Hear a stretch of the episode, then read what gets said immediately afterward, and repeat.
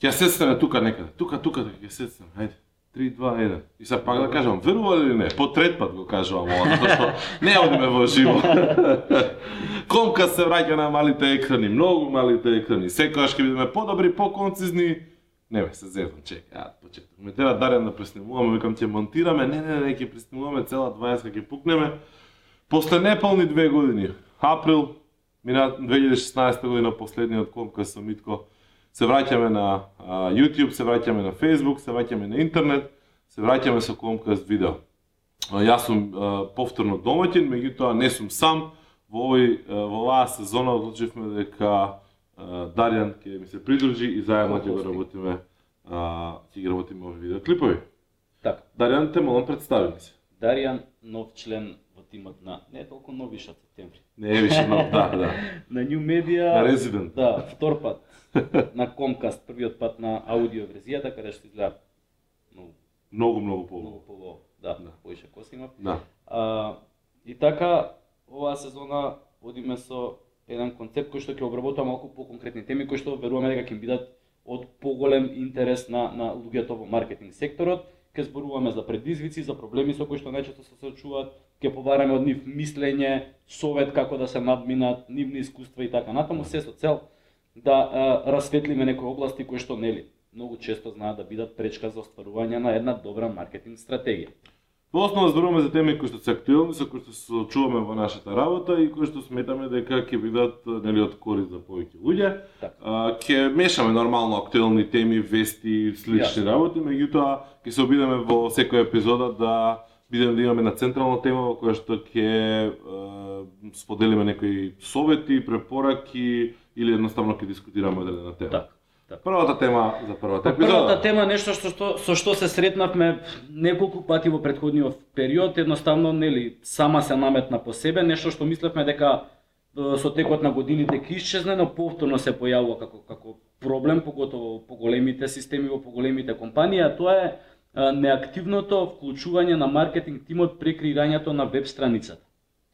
Значи компаниската веб страница како централно место за комуникација, многу често маркетинг тимот не успева да има целосно комплетно влијание во во тоа какви ќе бидат сите функционалности на веб страницата, како ќе биде поставена, кои можности ќе ги нуди од тука натаму за комуницирање на пораките по другите канали и тоа е нешто што за жал се уште нели Значи тука не правиме муабет за дизајнот, тука не правиме за техничкото решение, типот на кој програмски јазик, која платформа. Така. Значи може да го оставиме на другите луѓе кои што да речеме се постручни во таа работа. Она што е битно е дека маркетинг луѓето треба да бидат вклучени на самиот почеток пред да започне да се изработува страницата за да ги наведат на една листа сите потреби што тие ги имаат. Значи потреби од типот на технички потреби, потреби од типот на креирање и управување со различни типови на содржина, креирање различни страници и така натаму. Значи да ги излистаат сите тие во една листа на функционалности и кога ќе почне да се работи, кога ќе се избере која платформа ќе се работи, да се имаат сите тие работи пред. Затоа што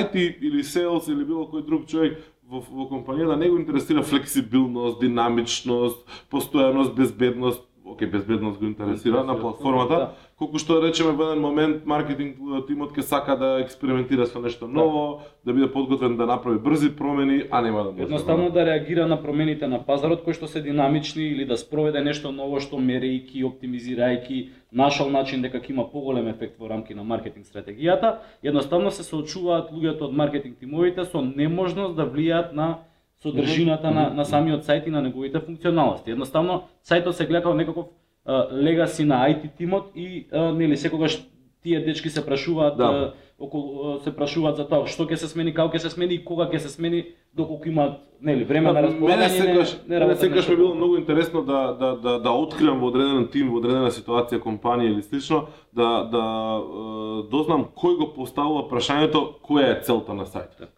Значи кој би требало да го постави прашањето која е целта на сајтот? Која е целта на вашиот сајт? Но- Наведете ми која е примарна, секундарна цел. Не, не е го проблем. Која е публиката? Како ја дефинирате публиката? Имате една целна група, втора целна група, цел, трета целна група, примерна, секундарна, поделете како сакате. Дали тоа може да го видите на вашиот сајт? Ако го гледате, супер, одлично. Ако не го гледате, Така. тогаш прашате се кој е донал таа одлука за вас или дали уопште некој е донал таа одлука. Јасно, јасно, јасно. Она што нели прво што се наметно како некаков проблем е неможноста да се креира или да се промени содржина независно да од IT тимот. Значи тоа е нешто што е на вистина голем проблем бидејќи како што кажавме некогаш мора да реагирате брзо на промените. И сега се случува да немате можност воопшто да реагирате на содржината на вашиот сајт и морате да по мејл да испраќате барања, да чекате да се одобри од некоја повисока структура, хиерархиски и така натаму, за да можете да дојдете до една најпроста промена која што ќе ви биде необходна за да спроведете дел од тој ваш маркетинг план. Вториот чекор на тоа, повторно е проблем, меѓутоа не толку голем проблем како Да. првиот, е кога еден единствен човек а, знае и го прави тоа на сајт. Може би е дел од маркетингот, може би е дечко за се или девојка за се, често, небитно. да. Меѓутоа па- повторно е а, нели централизирана позицијата. Во смисол, аха, он знае тоа, таму ја да не зезнам нешто Да, да, и така. да, значи, во суштина дигиталниот маркетер или било кој маркетер денес како воопшто имаме а, логика да дискутираме Да, за дигитален, да, не да. дигитален маркетер, треба да биде обучен и треба да знае не треба да му биде проблем да влезе и сам да Па промени. генерално и луѓето се веќе доволно технички подковани, ако ништо друго ја сваќаат потребата, необходноста од тоа да владеат со добар дел од постечките платформи, социјални мрежи, позадински мерења, Да, да. некакви најпрости инсталации кои што да кажеме во алатките од типот на и платформите од типот на WordPress веќе се на ниво на Да, плагин. да, Нешто да. што намерно е така направено за да може што повеќе луѓе кои што не се остручени до тоа ниво, толку Да, длабоко да. остручени да може да ги направат промените кои што им се Еден практичен совет кој што многу често го, го зборувам на луѓето, а дури да немате вие корпоративна или бизнес веб страница на направена на WordPress, лично дигнете се еден блог, сајт, што и да е, некаде тотално на страна на WordPress и кликајте таму, затоа што дури да не ја користите таа платформа, WordPress е премногу лесен, премногу динамичен, премногу флексибилен за да може да научите што се може да правите таму. За утре кога ќе треба некому да му објасните што сакате да постигнете Така. за на вашиот сајт, да знаете точно за што полесно ако ништо друго на негов јазик ќе ќе така. ќе Значи ќе ќе да кажеме можно ова, знам дека е можно, најде ми начин како да се направи. Така. Еве овде како се решава, дај да видиме дали може да го решиме ние каде. Така да playground некаков тест playground. Јасно. Секој пат имате си на Јасно. страна еден за да ги учите работите. Втора точка. Да, па проблемите кои што се јавуваат се, нели, повеќе кратни, луѓето кои што ги имаат овие проблеми најчесто знаат кои кои, кои се тие основни, нели, предизвици со кои што се соочуваат. Најчесто споделувањето на одредени содржини на социјалните мрежи кои што не се соодветно оптимизирани. Од Да. проста причина што а, немаат начин како едноставно да, да стават соодветна слика, соодветен текст, опис и така натаму што може лесно се прави со некаков си плагин во, во WordPress. Да. Меѓутоа технички можеби е неизводливо ради пристапот, ради платформата и, и, и начинот значи, затоа што не биле вклучени а, на почетокот кога се креирал самиот вебсайт. А, со проблемите ќе се соочувате и се соочувате и се соочуваме Да. секојдневно. Facebook го скрати органскиот рич, се оди повеќе на огласување, огласите сега малку се полиберални во смисла на тоа дека и да имаме повеќе текст ќе ни поминат, меѓутоа досегот ќе биде повторно намален и ефективноста ќе биде намалена без разлика што ние плаќаме за тоа. И доаѓате во ситуација, аха, ама јас сакам да однесам луѓе на мојот сајт, сакам да споделам линк, оставате линкот, гледате дека тој не изгледа Не влече ништо, да. Треба сакате да ја промените содржината на, на линкот. Една, една недела изгледа вака, следната недела сакате малку да освежите, зашто кампањата ви Да. трае месец дена, Да. вие сакате 10 пати во тие месец дена да објавите некаде на друго место, 10 пати со иста слика, со исти текст, може би не ви е баш толку пожел. Е сега, се соочуваме со проблемот, дали имаме пристап да го направиме? Така. Треба да имаме пристап да Треба и мора да се има пристап, особено во делот на креирање да речеме на лендинг страници кои што се најчесто основата на па Да. речи си на секоја кампања денес. Апсолутно, треба да биде. Да, посебно ако имате корпоративен сајт, многу е тешко да испромовирате некоја кампања која што ќе оди на некаков си, не знам, слайдер, хиро елемент и така натаму, затоа што едноставно природата на корпоративниот сајт е таква да биде повеќе информативна и повеќе а, пасивна отколку активна. Токму затоа лендинг страниците тука доаѓаат до израз. И ако немате можност да ја креирате, и не само да креирате, него и брзо да оптимизирате, од кога ќе почнат да доаѓаат резултати, да доаѓаат луѓето на вашата страница и да видите каде се губат, каде каде дропнуваат нели на некој начин на Да, вашата страница. да. Ако го немате тој пристап, е, прилично комплексно Е, ќе значи ви се враќаме на точка 1. Друго Ги е. дефинирате листа на функционалности. А, Дефинирате повеќе различни лејаути, повеќе раз или предвидите да имате некаков лесен билдер, лесен систем за не знам, по блокови давање на содржина, затоа што јасно ни е дека нели хедер, футер, наслов, мени, сите тие работи остануваат исти на целиот сајт. Меѓутоа, размислете и видете ги опциите дали можете да ги исклучите тие, дали можете да уклучите различни типови на хедер, дали може да смените боја на позадина, дали може структурата на елементите да ставите. Не може да ви да правите лендинг страница да имате сајтбар цело време да ви стои таму, да ви стои цело мени со сите услуги што ги нуди. кол- Колку е важна таа динамиката, дин, дин, динамичноста во делот на промените, од кога ќе пуштите една кампања, да кажеме, во оптек, една лендинг страница. И кога ќе почнете да ги мерите резултатите од, од незе, колку е важна оптимизацијата, всушност зборува и самото тоа што има еден куп сервиси веќе кои што се наменети само за оптимизација на на сајтот Google Optimize, да речеме еден сервис кој што, нели, е се поактуелен, Да. кој што нуди можност автоматски да преместувате елементи од страницата. Тоа е нешто што во денешниот маркетинг се смета како нешто што мора да го имате и до што мора да имате брз, лесен и ефикасен а, пристап. Е, Значи, бај, да го, да го промените. ако по некој случај имате сајт, немате шанса да направите нешто што е различно по страници, имате кампања, имате супер ТВ реклама или не знам билборди или банери што и да е, тематска, меѓутоа тоа никако не може да го поврзате со вашиот сајт, пошто Да. на сајтот понудата ви стои на бел чаршаф, онака Да, со наслов да. фин, кој што нема врска со самата реклама. А не тева така да биде. А, секој пат имате на ум дека постојат надворешни сервиси кои што ви дозволуваат на многу лесен и брз начин да креирате лендинг страници, целни страници, посебни ви нудат еден куп алатки во поздина за мерење и, и слично, а, кои што може да ги поставите на вашиот на вашиот сајт, односно да бидат прикажани како дел од вашиот сајт.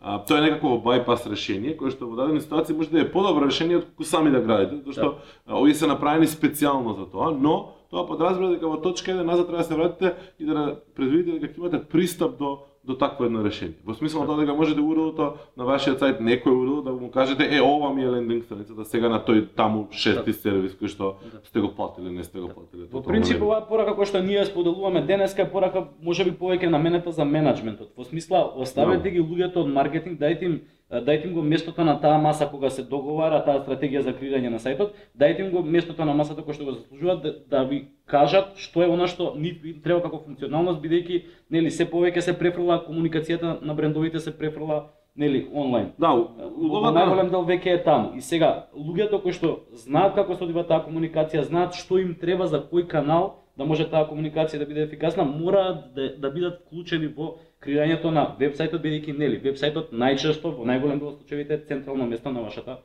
а, комуникација.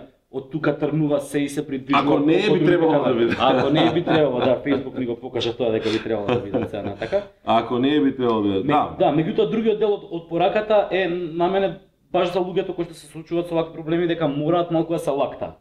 Значи токму Да, затоа ги постојат решенија, работите, секогаш постојат да. решенија. Мислам, не секогаш може да биде тоа идеално, меѓутоа може, има сајтови кои што немаат контакт форми или контакт формите им се рудиментирани. Да. Има сервиси за тоа. Може да направите на трет на надворешен сервис контакт форма си ја донесете да си ја прикажете на ваш сајт. А, има сервиси кои што ќе ви дадат куп различни функционалности кои што можеби ги немате вие во основа на сајтот, меѓутоа може да ги прикажете, може да ги повикате а, и може да ги искористите. Нема секогаш да биде тоа најидеалното решение, да меѓутоа најидеално, може да ви заврши. Меѓутоа да, може во, во моментот да заврши работа. Она што е битно кога ќе имате сознание за некакви промени или кога имате шанса да ги иницирате проблем, промените на вашиот вебсайт, едноставно направете си една скица на вашата маркетинг стратегија, дигиталната маркетинг стратегија. И обидете се тоа да го преведете на јазик разбирлив за менеджмент. Mm. затоа што мора да имате едноставно објаснување зошто некоја функционалност ви е необходна, зошто пристап до менување на содржините на вашиот сајт или учествување во креирањето на вашиот сајт е необходно. Едноставно морате да успеете да го објасните тоа за да добиете пристап, да добиете улога во креирањето на функционалностите на сајтот, бидејќи без тоа ќе имате големи потешкоти во спроведувањето на маркетинг плановите, а нема да имате начин како да објасните зошто се не функционира вашата стратегија. Да. Спомнавме лендинг страници, односно целни страници, спомнавме основни функционалности, спомнавме оптимизација за а, социјални медиуми, за engine споделувањето оптимизација пред и да. тука search engine Да. оптимизација затоа што а, се менуваат тие работи нормално. Не е дека тоа е работа која што ќе ја направите сега како како опција и аха ќе остане таму 2-3 години.